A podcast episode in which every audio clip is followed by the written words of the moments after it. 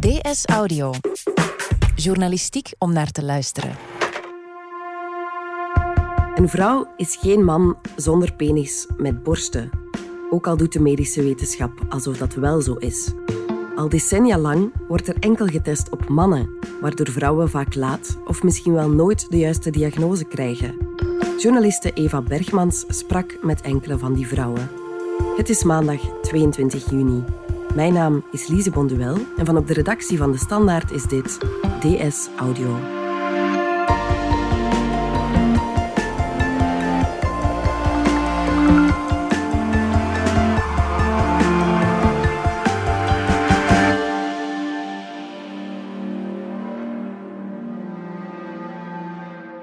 Ik ben uh, Caroline en ik ben uh, hartpatiënt, inmiddels al vier jaar. En voordat ik wist dat ik hartpatiënt uh, was, ben ik verschillende malen naar de huisarts geweest en naar de bedrijfsarts. En iedereen zei van, goh, je bent waarschijnlijk te druk. En dat is ook zo, want ik had een hele drukke baan. Twee opgroeiende pubers, druk sociaal leven. Dus ja, ik had het ook best wel een beetje druk. Maar het meeste probleem was eigenlijk dat ik continu zo verschrikkelijk vermoeid was. Die vermoeidheid die bleef elke keer hardnekkig aanwezig. En toen heb ik gedacht, nou ja, misschien is het toch stress en een drukke baan, dus ik ga een andere baan zoeken. En dat was eigenlijk het probleem niet meer opgelost. En uiteindelijk ging ik met een vriendin uh, naar de sportschool op een zondagochtend. En ik stond in de sportschool en ik voelde me helemaal niet goed. En ik wilde echt stiekem ertussenuit uh, gaan om weer terug naar huis te gaan.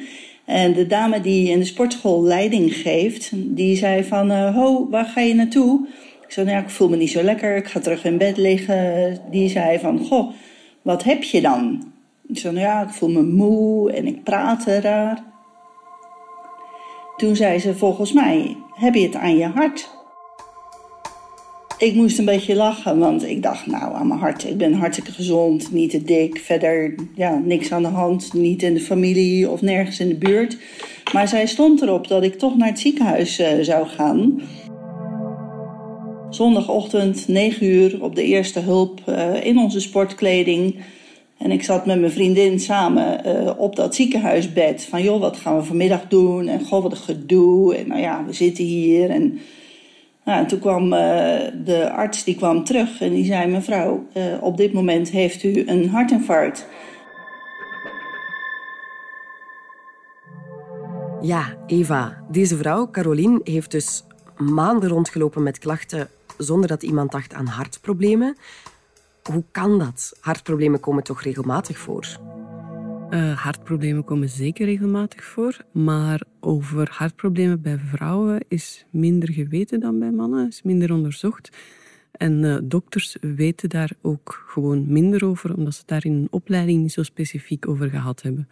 Dus zij zijn getraind om hartproblemen te herkennen bij mannen, op Mhm. basis van de symptomen die zich bij mannen stellen. Ja. Maar bij een vrouw ziet dat er vaak anders uit. Dus die hebben minder die, ja, het klassieke beeld van een hartinfarct is iemand die naar de, borst grijpt en dan neerstort. Ja, zoals in films eigenlijk. Ja, zoals in de films. Uh, en bij vrouwen is dat heel vaak niet het geval. Dus die hebben vagere klachten. Um, die hebben niet zozeer pijn, maar wel heel vaak een, een vermoeidheid die niet te verklaren is.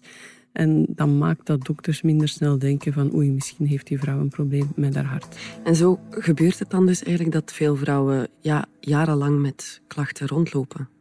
Ja, dat kan. Ja. Ja. Dus die kunnen veel te laat ontdekt worden. En soms ja, is er dan ook al schade die, uh, die niet meer te herstellen is. Hè. Zoals uh, in de getuigenis die we hoorden bij Ja. Caroline. Zij heeft uiteindelijk een open hartoperatie gehad. En daar is wel schade gerepareerd. Maar zij zegt, ja, ik ben nooit meer helemaal de oude geworden. Ik sprak ook een, een specialiste, Twan Lagro Jansen, specialiste in uh, vrouwenstudies medische wetenschappen. En uh, die sluit niet uit, er zijn geen cijfers van, maar dat er daardoor inderdaad wel uh, vroegtijdig vrouwen gestorven zijn die eigenlijk niet hadden moeten sterven. Zijn er nog zo'n problemen, andere aandoeningen die bij vrouwen over het hoofd worden gezien? Uh, ja, er zijn er zeker. Um, dus dat van dat hart is een van de meest opvallende. Daar is dus dan ook wel meer kennis over. Een uh, typisch voorbeeld is ook ADHD. Uh, dat kennen we zoals het er bij jongetjes uitziet. Heel, heel, heel druk, zetten de klas op stelte. Waardoor lang gedacht is dat het een typische jongenskwaal was ook. Maar er mhm. zijn evengoed meisjes die ADHD hebben. Maar dat ziet er anders uit. Dus die zitten dan misschien meer te dromen in de klas. Die hebben wel een aandachtstoornis, maar die hebben niet die, die, ja, die echte druktemakerij. Of, um, of die praten dan gewoon heel veel of zo. En uh, zo heb ik ook gesproken met uh, Evelien, die eigenlijk jarenlang gedacht heeft van ja, er is wel iets met mij, maar ja, dat zal met iedereen wel zo zijn. En die uiteindelijk eh, ADHD bleek te hebben. Ik ben echt opgegroeid met het idee dat ik gewoon een beetje dom was. Dat ik het gewoon echt, ja, dat ik gewoon niet zo slim was. En dat komt heel erg voort uit um, niet kunnen plannen bijvoorbeeld. Maar dat heb ik moeten leren. Als ik dat al had geweten toen ik bijvoorbeeld in de puberteit zat en op school uh, op niveau terugging, dan had ik me niet dom hoeven te voelen. Dan had ik hooguit kunnen denken: oh ja, jeetje, wat vervelend. Nou, wie kan mij helpen met plannen, jongens? Maar nu zocht ik het bij mezelf. Dus, dus dat is ook het gevoel, die frustratie, zeg maar, die ik had na de diagnose. Potjan Dori, joh, jeetje, als ik het nou toch eerder had geweten. Of ik had zoveel potentie en dat heb ik niet ten volste kunnen benutten. En hoe komt het eh, dat bij deze vrouwen dan niet de juiste diagnose wordt gesteld? Daar spelen allerhande factoren in mee. Um, ja, dokters zijn ook maar mensen, dus die hebben de kennis die ze opdoen in hun opleiding en in de loop van hun carrière. Mhm. En die kennis passen ze toe in de samenleving waarin ze leven, mhm. waardoor er heel veel vooroordelen over mannen en vrouwen of klassieke gedragspatronen ook doorwerken in hoe iemand bij de dokter zit en gezien wordt. Mhm. Ehm, dus het is een, een heel ingewikkelde mix van. Uh, ja, patronen, kennis, gebrek aan kennis, ehm, ervaringen. Uh, en, en, ja, zelfs, ik sprak een vrouwelijke huisarts uh, die bij zichzelf ook had gemerkt dat ze een hartprobleem van een vrouw te laat had gezien, omdat ze eigenlijk niet door de, de gedragspatronen van die vrouw gekeken had. Die vrouw bleef maar praten, praten, praten. En zij dacht, ja, een vrouw die praat, praat, praat, die kan nooit heel ernstig ziek zijn. Ja. En dat bleek eigenlijk wel. Uh, een vrouw die heeft hele ja, lichte uh, klachten die helemaal niet zo verschrikkelijk duidelijk zijn. Dus die krijgt uh, spasmes of die krijgt een beetje last of benauwd of inderdaad zoals ik had vermoeidheid. En um, ja, dat is dus heel erg moeilijk om te herkennen wat zo'n vrouw nou eigenlijk heeft. Hè. Dat kan honderd dingen zijn. Misschien is het inderdaad stress, misschien is het druk. Dus dat is heel erg lastig om uh, uit te vinden wat die vrouwen dan hebben. Hoe komt het dat er ja, toch altijd met die mannelijke bril naar de medische wetenschap wordt gekeken? Wat daarin speelt, is dat die sector heel lang uh, gedomineerd is door mannen. En ook de proefpersonen die bijvoorbeeld bij uh, medicijnentesten gebruikt worden, mm zijn ook heel lang voornamelijk mannen geweest.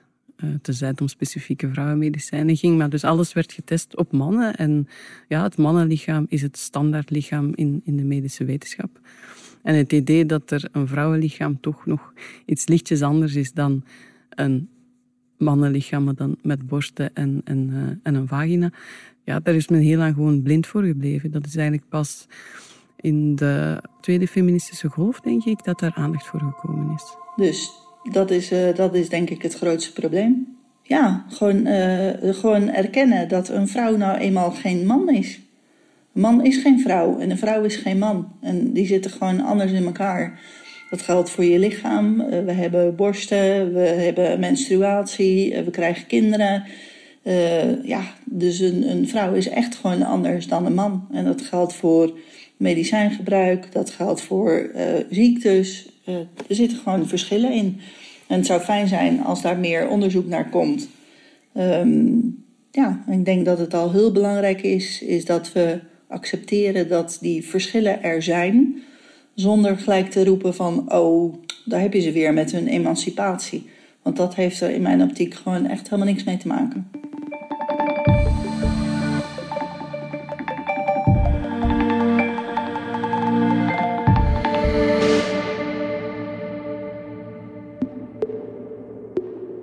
We hoorden het Caroline net ook al zeggen: medicijnen hebben op vrouwen soms ook een andere uitwerking dan op mannen. Ja, ja. en ook daarnaar moet nog heel veel onderzoek uh, gebeuren. Uh, daar is men nu wel stilaan mee bezig. Um, ja, en daarin speelt bijvoorbeeld de andere samenstelling van een vrouwenlichaam. Dus vrouwen hebben een hoger vetpercentage mm -hmm. en een lager watergehalte in hun lichaam. Ja, en sommige medicijnen hebben vet nodig om te functioneren, andere hebben water nodig om te functioneren. Dus de effectieve dosis van een medicijn die een vrouw binnenkrijgt, is niet per se dezelfde als bij een man. Mm -hmm. uh, en dan heb je ook nog, maar daarvan is nog niet duidelijk in welke mate het uh, doorwerkt. Maar natuurlijk heeft een vrouw veel meer hormonale schommelingen dan een man. Ja. En er zou ook wel eens een wisselwerking kunnen zijn tussen hormonen en medicijnen. Mm -hmm. En bij mij is het ook best wel een hele zoektocht geweest om te kijken van hoeveel moet ik nou nemen. Uh, en bij mij was het echt dat ik qua medicijnen met een stuk minder uh, ja, aankom dan dat een man van 75 dat heeft. En bijvoorbeeld cholesterol. Nou ja, mijn cholesterol is hartstikke laag, dus ik hoef dat eigenlijk helemaal niet te slikken. Dus uh, ja, zo zitten er heel veel verschillen tussen mannen en vrouwen. En je ziet dat vrouwen vaak niet die medicijntesten krijgen, omdat ze moeilijk zijn. In de zin dat vaak hormonen een rol spelen, zwangerschappen een rol spelen waardoor het lastige testenpersonen zijn om die echt gewoon uh, een aantal jaren in de gaten te houden. Dus ja, ook weer begrijpelijk dat het niet zo vaak getest wordt op vrouwen, maar ook wel weer gek, omdat een vrouw toch echt heel anders is dan een man. Want hoe riskant is dat voor vrouwen dat ze in die zin ja, wel lang genegeerd geweest zijn? Ja, ook dat is nog moeilijk te zeggen. Um, in Nederland is uh, Loes Visser, is een ziekenhuisapotheker, is nu bezig met te onderzoeken wat de bijwerkingen van medicijnen zijn en welke rol uh, het geslacht van de patiënt daarin speelt. En dan blijkt dat het eerste, het eerste bevindingen bijvoorbeeld dat uh, vrouwen bij plaspillen een veel groter risico hebben op ernstige bijwerkingen, die zelfs tot een ziekenhuisopname leiden. Maar evengoed hebben mannen last van ernstige bijwerkingen in het geval van antistollingsmiddelen, waar mm. vrouwen dan buitenschot blijven. Dus het is niet alleen voor uh, vrouwen nadelig dat er zo weinig aandacht is geweest voor het vrouw-man onderscheid, maar het is ook voor mannen uh, nadelig. En wat zou er in de geneeskunde moeten veranderen, of toch in elk geval minder mensen het risico te laten lopen op een verkeerde diagnose? Ik denk dat dat iets is wat dokters van in een opleiding moeten meekrijgen. Dus niet alleen de specifieke kennis uh, voor specifieke lichamen, uh, maar ook het besef van, uh, wat een paar dokters die ik sprak me hebben uitgelegd, van het besef van als er een patiënt voor je zit, moet je eigenlijk niet alleen kijken naar de symptomen die die patiënt heeft of wat hij of zij vertelt, maar ook naar ja, wie zit daar eigenlijk. En als het een vrouw is, dan weet je welke gevoeligheden dat er kunnen spelen en ja, welke klassieke gedragspatronen dat er zijn. En even als het een man is, want je kan zeggen van ja, een vrouw wordt minder snel ernstig genomen met klachten, omdat mm -hmm. er sneller wordt gedacht van ja, ze is misschien oververmoeid of ze is misschien wat kleinzeriger dan een man. Ja. Maar evengoed zijn er mannen die bij een dokter gaan en die ja, ergens een, een klacht over hebben, een fysieke klacht. Maar uh, waar dokters dan eigenlijk, als ze doorvragen, kunnen bovenhalen dat er een depressie achter schuilt of een alcoholprobleem bijvoorbeeld. Ja. We hebben het nu over gender, uh, maar zijn er nog andere blinde vlekken op dat gebied? Etniciteit, leeftijd? Ja, zeker. Ja. Dus eigenlijk alles wat een mens meemaakt. Dus inderdaad, uh, afkomst, uh, opvoeding, cultuur waarin dat je opgroeit. Dat speelt allemaal een rol in hoe mensen omgaan met ziekte. Uh, soms ook in welke ziektes ze kunnen krijgen. Soms ook um, waarom ze kwetsbaarder zijn. Um, dat is nu ook wel met uh, corona heel erg gebreken. Ja. Uh, dus ja, sowieso waren mannen kwetsbaarder dan vrouwen. En uh, in, in Amerika bijvoorbeeld heb je heel veel zwarte mensen die, uh, die ten prooi gevallen zijn aan corona, omdat die in precairdere omstandigheden leven. Dus iemand die uh, arm is, heeft ook meer kans om minder gezond te zijn en om sneller ziek te worden.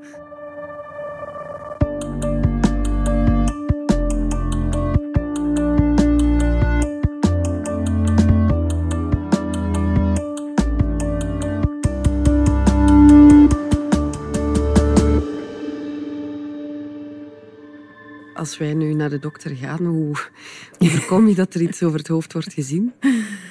Uh, ik denk dat het helpt als zowel de dokter als de patiënt zich daar heel erg uh, bewust van is. Ja. Uh, en dat je inderdaad ook moet durven doorvragen. Dat blijkt ook iets te zijn wat vrouwen minder makkelijk durven soms. dat je op je strepen moet durven staan en vragen van, is dit medicijn ook effectief op vrouwen getest? Ja. Zijn er bijwerkingen? Of ja, ik, ik hoorde onlangs ook van, van een kennis dat ze naar de dokter ging met echt heel ernstige klachten. En dat er dan al heel snel wordt gezegd van ja, misschien uh, is een, een maandje met de antidepressiva of zo. Ja, die vrouw had uiteindelijk een longontsteking. Um, ja, dus je moet inderdaad wel durven in vraag stellen. Wat, als je het gevoel hebt van ja, de dokter gaat hier voort op een op een, eerste indruk en ik heb het gevoel dat die niet juist is, dat je durft uh, doorvragen toen ik naar de huisarts ging, was ik er best redelijk van overtuigd dat voor mij, uh, in mijn geval, het probleem was ADHD. En de huisarts die vroeg mij toen: Ja, ja, maar heeft u het ook niet een beetje druk, mevrouw? Met een jong gezin, hè, met uh, twee jonge kinderen toen nog, werken. Ik werkte vier dagen, dus 32 uur per week. Um, hond, man, druk gezin. Is dat niet wat veel? Want u geeft toch ook nog borstvoeding, hè, mevrouw? Dus dan bent u ook nog s'nachts wakker. Ja, ja, huisarts, maar ik had die klachten altijd al. Ik had ze ook al voor, voordat ik hier zit, voordat ik mijn kinderen had bijvoorbeeld. Um, gelukkig uh, uh, ging in dat gesprek mijn huisarts daar uh, wel in mee en heeft hij mij de doorverwijzing gegeven naar de uh, GGZ om een uh, onderzoek te laten uitvoeren.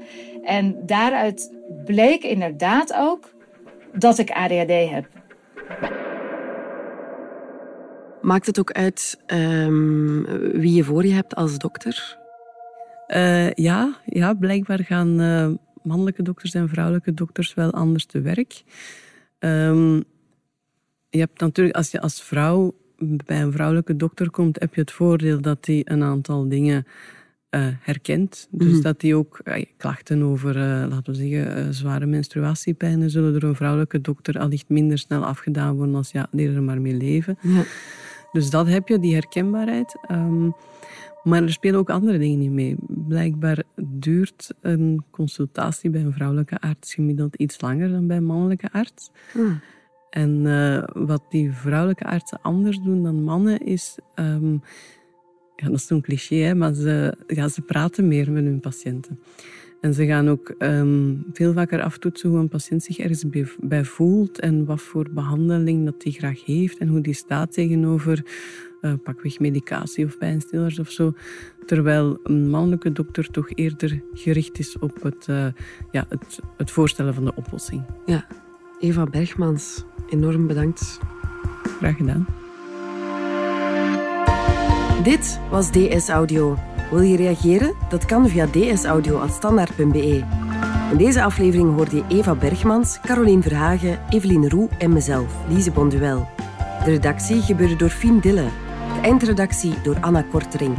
Pieter Schrevens deed de audioproductie. Brecht Plasgaard schreef de muziek die je hoorde in deze podcast.